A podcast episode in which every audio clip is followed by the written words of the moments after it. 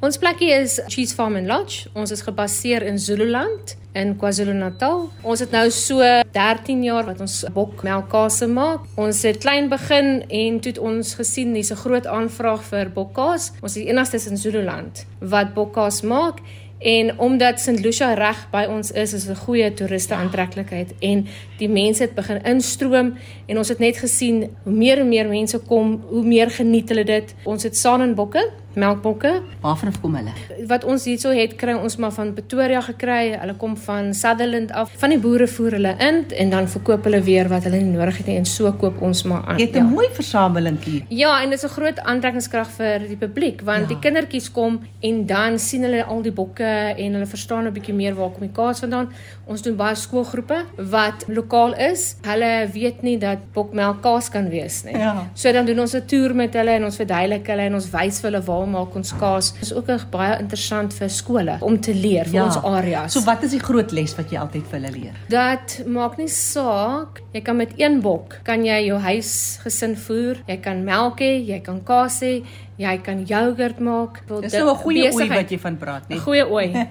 en as jy 'n um, besigheid wil begin, kan jy begin met 'n paar bokkies en jy so kan jy begin kaas maak en dit gaan verkoop of jy kan by jou eie plekkie soos ons 'n winkeltjie oopmaak.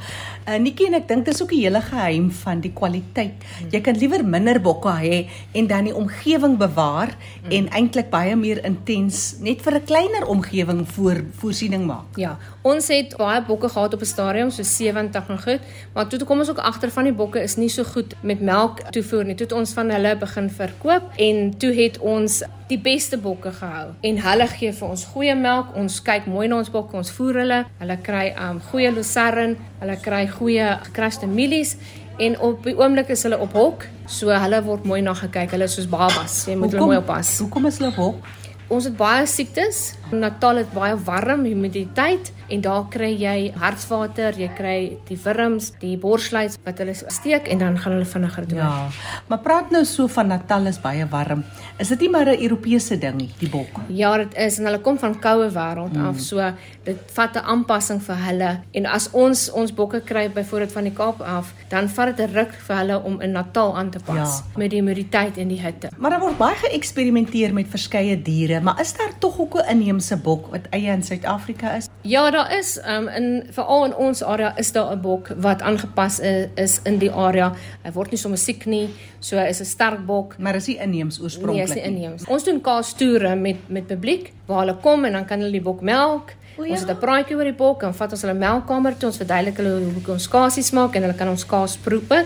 Ons kaas is baie gewild. Uniek in ons voer nêrens uit nie. Almal kom hier na toe en koop hierso.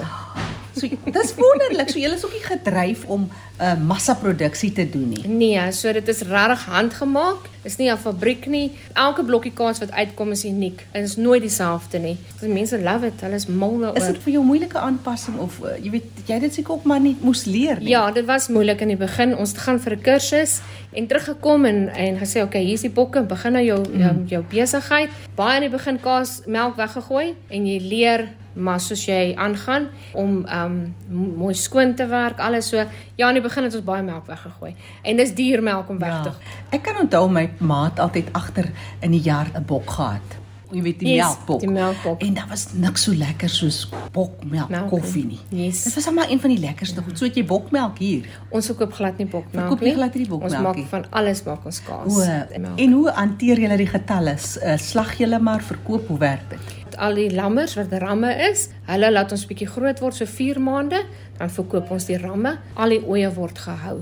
O. Want hulle is kosbaar en ja natuurlik. Hulle is wat die melk gee en wat die kaas kan voorsien. En jy kan een ram het wat 'n paar oeye dek, so jy het nie ja. soveel rammetjies ja. nodig nie. Ons het so twee ramme en um dan soos ons hou hulle apart en wanneer die tyd reg is dan word hulle by hulle gesit. O, ja. O, so jy so bepaal self. Bepaal want hoe meer ramme jy het, hoe langer drink hulle aan die aan die mamma en hoe minder melk het ek. Natuurlik. So dan is dit nie winsgewend vir jou nie. Maar ons maak hulle mooi groot en sterk en dan het ons lokale uh, boere wat kom en hulle by ons koop. Jy het net gesê julle tot op 70 gehad. Hoeveel het julle omtrent nou? Ek dink nou met die lammers wat hierdie jaar ons 'n goeie jaar gehad. Ons ja. lammers is ongelooflik mooi en sterk. Mm. Ek dink ons trek net so so by 60 se kant. Kom koop mense partykeer 'n lammetjie vir 'n uh, troeteldiertjie of so. Ek verkoop glad nie lammers vir troeteldiere ja. nie. Ek dink dit is nie um reg nie want as daai bok groot word, mm. Dan kan hulle dit, dit nie um verstaan dat daai bok is nou groot, hy spring op jou kar, hy eet jou tuin skoon, hy eet alles skoon en dan wil hulle ontslaa raak van hom en dan wil hom terugbring. Maar dan as jy hom terugsit by die ander, verwerp hulle hom ja. en hulle gaan toe dood. Dit is gewoond om ja. om soos 'n mens in die huis ja. groot te word. So, so ek sal dit nooit aanbeveel tensy jy van plan is om hom te hou, mooi na hom te kyk, as dit 'n ooi is bevind om hom te gebruik, weet die melk te gebruik want jy moet hulle elke dag melk. Ja. Kos is belangrik as hulle swak kos kry, het jy swak melk. Ja, so mm. water is belangrik en natuurlik ook om te kyk nie in die reën staan nie, hulle word siek. Hulle is handvol. Jy moet mooi kyk. Pieperig, jy moet hom mooi kyk. Ja, ja, as jy mooi na hom kyk, ag dan elke dag kan jy maar gaan kyk en hulle het hulle eie persoonlikhede. Ag, hulle is dierbaar. As hy jou sien, dan kom hy en hy sit sy koppie in jou nek en hulle is baie dier. Hulle het elkeen het 'n persoonlikheid. Ja. Hoeveel oeye het jy op die oomblik? Jogg, ek het nou die volwasse oeye wat ons melk op die ja. oomblik het ek 10. Ja. En jy het eintlik 'n werkende besigheid met 10 oeye. Dit ja. is 'n goeie voorbeeld. Ietsie anders. Ja, Hierdie was 'n ja. baie ongelooflike mooi droom en ons het dit goed gedoen. Ja, ja dis fantasties Nikkie. Alles van die beste en dankie dat jy met ons gedeel het en jou ingelaat het. As jy nou in 'n ander plek toe gaan, wat sal jy die meeste mis van hierdie kaasplaas? Ek dink wat ek die meeste gaan mis is ons weer van die plaas self, die rustigheid. Jy gee nie bokke name nie, nee. Hulle Ons doen. O, jy doen. O, hulle het almal name. maar is dit dan moeilik om ons om ontslae te raak van hulle? Nee, jou oeye kry hulle name. Die net twee ramme word genoem. Soos wat byvoorbeeld? Ons Ag, ons het ag Sari, Sunay, ons het Chantel. ons vat so familiename en van ons werkers se name het ons daar Cindy en en hulle weet wie hulle is want jy roep hulle. Ja, dit word 'n bietjie persoonlik. Ja, so ja. as hulle siek word dan is dit vir jou baie hartseer. So jy kyk baie mooi. Ja, maar ek dink ook dis 'n verhouding wat opgebou raak op 'n ander yes, vlak. Ja, nee. En so gesels Nikkie Janse van Vieren hier op die Kaasplaas in Zululand. Wat 'n pragtige omgewing.